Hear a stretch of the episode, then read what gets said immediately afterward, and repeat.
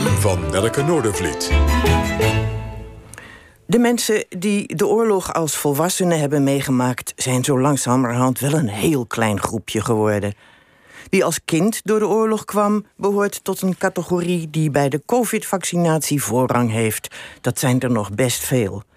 Mijn omvangrijke generatie groeide op in de schaduw van de oorlog. Wij kregen de verhalen erover te horen.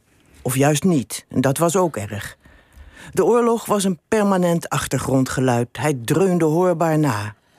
Wij jongeren keken niet graag terug. Hou nou eens op over die rotoorlog. Wij waren met de toekomst bezig. En juist terwijl wij opgroeiden, kreeg het verhaal over oorlog en bezetting meer en meer focus in boeken en films. Meer details, meer overzicht, meer afstand.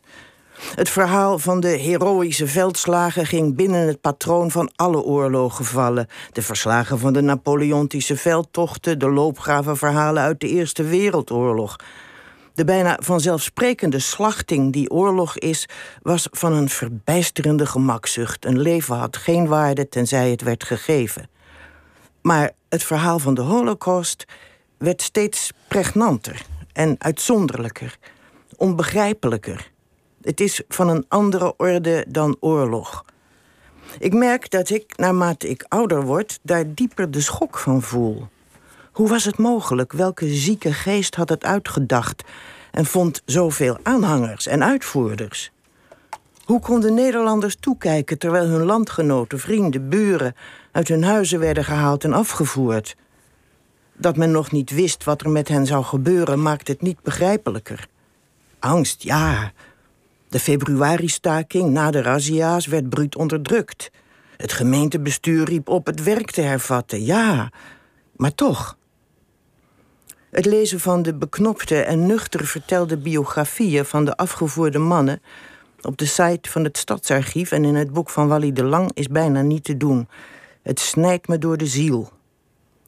Hoe komt het dat mijn jongere ik de historische feiten leerde kennen, de verhalen las, de geschiedenis bestudeerde en ja, uiteraard verafschuwde, maar alles niettemin accepteerde als onderdeel van het verleden?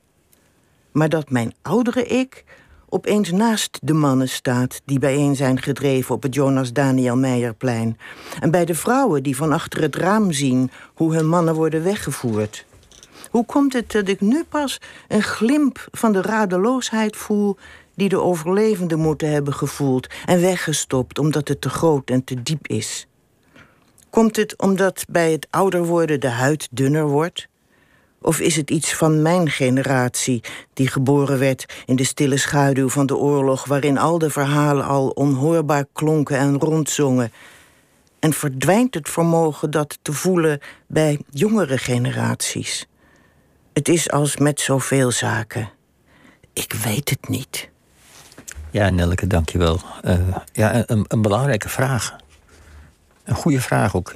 Als je jong bent, dringt het toch beperkt door, kennelijk. Dat denk ik wel. Ja. ja.